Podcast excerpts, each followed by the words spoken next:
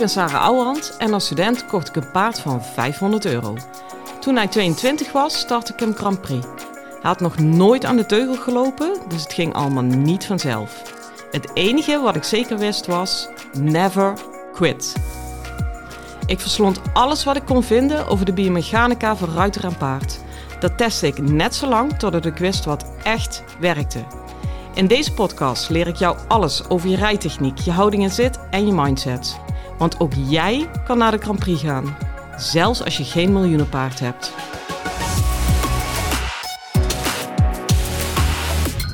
Hey, lieve paardenmensen.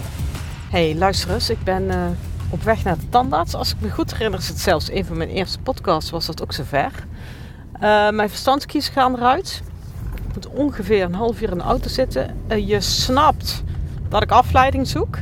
Nou, wat is nou een betere afleiding dan jullie?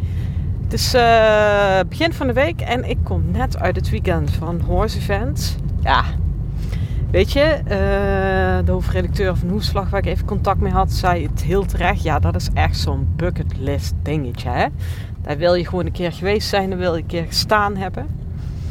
En uh, op de een of andere manier is het er tot nu toe nog nooit van gekomen dat ze me daarvoor gevraagd hadden. Uh, wel heel vaak al mensen die me hadden getipt van, joh, jij moet daar zijn. Uh, ik heb daar wel eens over nagedacht, maar ik had altijd heel sterk het gevoel van, ja, weet je, maar Horse Event moet mij vragen. En ik hoop dat dit niet klinkt als misplaatste arrogantie, want dat is het echt niet. Uh, daar heb ik zelfs ook naar gekeken van ja, hoezo moeten ze mij vragen? Uiteraard, ik zou Sarah niet zijn als ik daar ook weer over na had gedacht, hoe dat dan in elkaar zit. En dat is meer dat ik, kijk, ik ben echt niet uh, kinderachtig om een keer ergens uh, te lobbyen voor. Sterker nog, zo bouw je een bedrijf op. Alleen, ja, in dit geval voelde het voor mij persoonlijk dan als me ergens naar binnen wurmen. Uh, en dat voelde niet kloppend, omdat ik dacht, ja, weet je, als ik uh, een bedrijf heb staan hoe het staat, hoe ik wil dat ik sta, als ik de naamsbekendheid heb die ik wil hebben, of in ieder geval genoeg, dan vraag Horse Event mezelf. En als zij mij dan vragen, dan is het gewoon een uh, bevestiging van wat ik heb bereikt. En dan sta ik dus daar ook heel chill van, ja, het klopt, ik hoor hier te zijn. Snap je een beetje wat ik bedoel? Uh, ik stond daar dus ook helemaal spanningsvrij, terwijl ik gewoon uh, volle bak publiek had. Uh, had ik dat omgedraaid en zeg drie, vier jaar geleden me naar binnen gewurmd. Ja, het klinkt heel oneerbiedig. Het is niet dat iedereen die voor zichzelf promoot bij Horse zich naar binnen wurmt. Maar dat was even mijn gevoel daarbij. Ja, geloof maar dat ik helemaal doodzenuwachtig was geweest. Omdat ik eigenlijk zo'n beetje zo'n verholen gevoel had van... Eigenlijk hoor ik er niet helemaal, maar ik heb mezelf een beetje uitgenodigd. En dan uh, voelt dat toch een tikje anders hoe je in de baan staat. Ik had daar nog met uh, Annemarie van de Toren over, want die was helemaal joepie dat ik ook was. En die zei van... Uh, uh, ja, top, want nou, je hoort hier te zijn. Toen zei ik, ja, weet je, het heeft misschien bij mij iets langer geduurd. Maar daardoor voelt het nu ook wel zo ontzettend stevig. Dat, weet je, uh, ja, ik draai mijn hand echt niet voor om nu. Om daar in die baan te gaan staan. En ja, dat vind ik dan weer mooi. En natuurlijk is dat een enorme parallel met het paardrijden. Hè? Um, als jij een klasse rijdt waarvan je weet, joh, ik hoor hier thuis of het is goed bevestigd, bestendigd, hoe wil je het zeggen, 12 winstpunten over, noem het maar. Ja, dan ga je wel zo anders in die klasse dan dat je uh, ergens in je achterhoofd weet van ik heb mijn puntjes gesprokkeld en eigenlijk is het net aan, weet je. Dat doet al zoveel met hoe je in dat geval de baan inrijdt. Uh, ja, nou ja, ik kan hier weer helemaal over uitweiden. Maar het is maar weer om aan te geven van wat voor mentaal spelletje paardrijden, maar dus eigenlijk ook uh, ondernemen is. Hè? Ik heb ondanks het drukke weekend wel nog even mijn mail, apps en alle reacties op Spotify uh, door kunnen nemen. Wat mij nog steeds niet lukt, in tegenstelling van een belofte eerder in de podcast, is uh, Ik had beloofd, ik kan nu op jullie reageren, op jullie antwoorden. Nou, het is me nog steeds niet gelukt.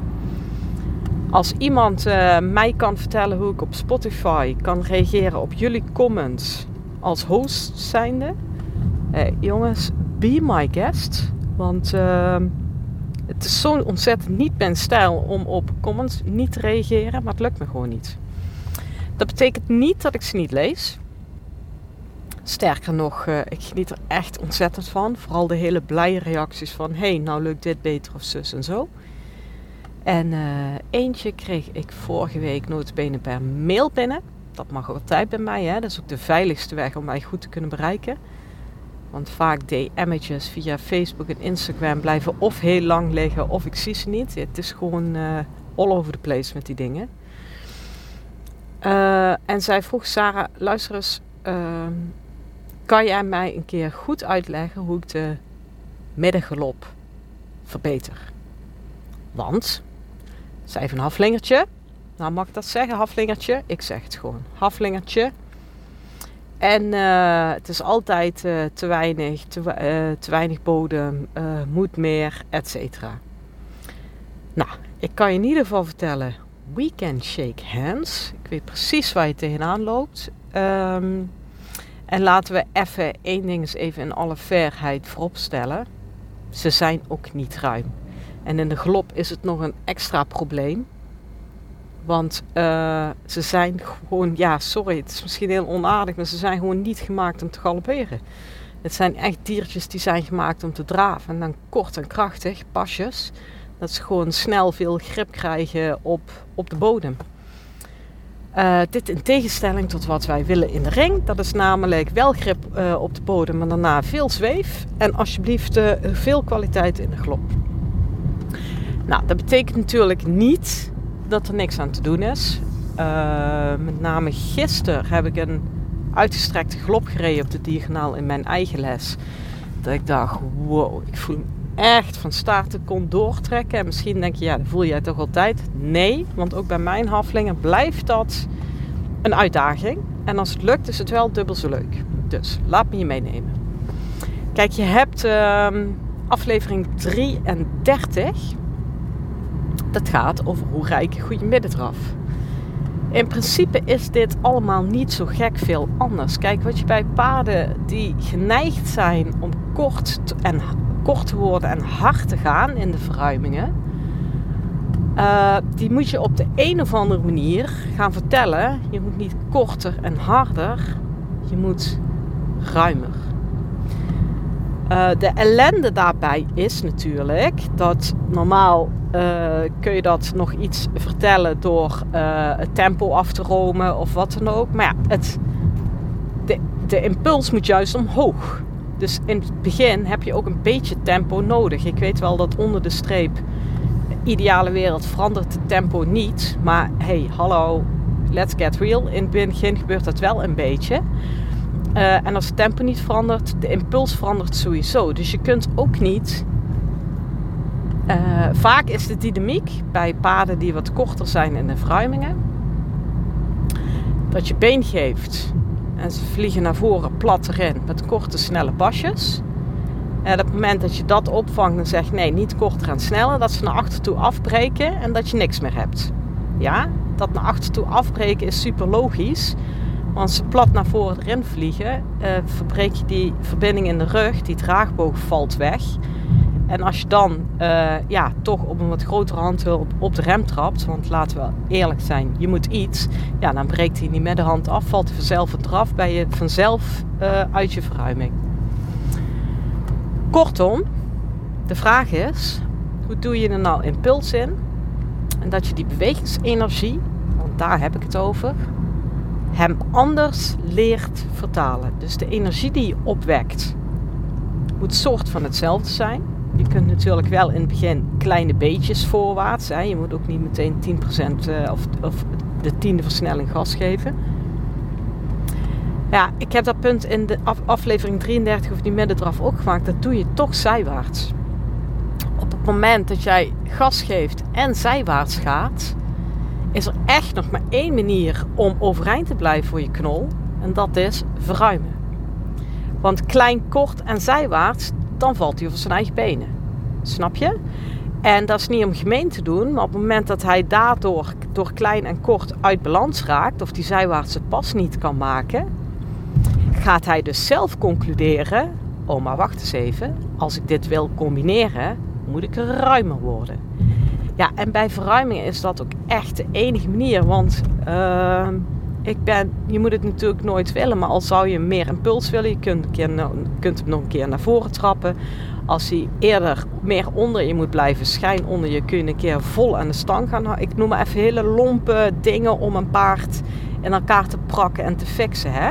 Maar verruimen, dat heb je niet. Er is niet iets um, waar je het mee kan trekken, snap je?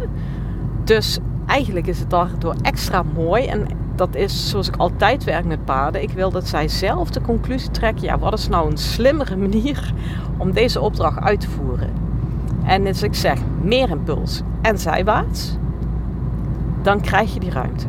Nou, dan komt natuurlijk de vraag, wat dan zijwaarts? Hoe dan zijwaarts? Ja, dat is een beetje afhankelijk van, ook van, afhang, uh, van de handigheid van je paard en de gang. Kijk, in uh, draf kun je van mij part gerust, als jouw wijken goed bevestigd is, rij maar eens goed naar voren in het wijken. Uh, het gaat er überhaupt om de vraag of de zijgangen goed bevestigd zijn. Maar denk niet te schuin. Als jij uh, drie kwart hoefje schouder voor rijdt om een lange zijde en je rijdt dan een keer goed naar voren, dan heb je al een ander verhaal dan dat je dat doet op een rechte lijn. Dus doe het in het begin zeker niet moeilijk. Ja, en bij de galop is het nog eens een keer extra moeilijk. Want zijgangen in de galop, behalve de appartementen, die zijn we helemaal niet gewend te rijden. Terwijl ik zou je echt uit willen nodigen, ga een keer wijken in de galop.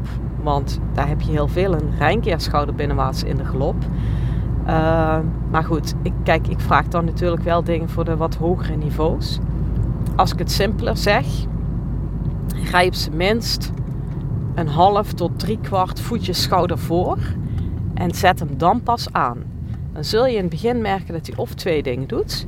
Of hij blijft niet schuin lopen, hij trekt recht, want dan kan hij lekker plat erin. Of je bent zo handig om hem echt wel zijwaarts te houden en minuscuul zijwaarts. Hè?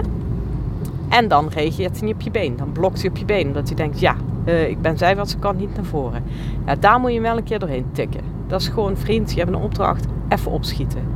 En dan drie, vier passen. Dat je hem echt laat nadenken over wat hij doet in zijn lichaam. En hem erg bewust zijn eigen balans laat voelen. En dan weer terug. En dan weer naar voren. En dan weer terug. En pas als jij kan schakelen in de galop. Terwijl jij licht schouder voor doet. Uh, dan zou ik daar pas halve lange zijdes maken, hele lange zijdes. Oké? Dus die is echt, echt heel erg belangrijk. Uh, dat je het combineert met iets zijwaarts. Waardoor je de glop aan zich ook heel goed kan verbeteren. Is als je in de glop bent en dan ga je uh, wijken. Nou, in dit geval doe ik even voor het linkerbeen. Dan doe je terwijl je, en nou komt hij, terwijl je door blijft wijken, ga je zo naar de draf of de stap in mijn geval. Met niet stoppen met wijken, hè? die moet je even goed in je oren hebben, anders is het effect weg. Dan stap je of draaf je een paar passen wijkend en dan in dat wijken spring je weer aan. En dat is precies hetzelfde verhaal. Dan wordt hij gedwongen om zijn binnenachterbeen dieper onder te zetten. Want hij kan niet uh, wijken voor het linkerbeen met het linkerbeen buiten de massa. Dat bestaat niet.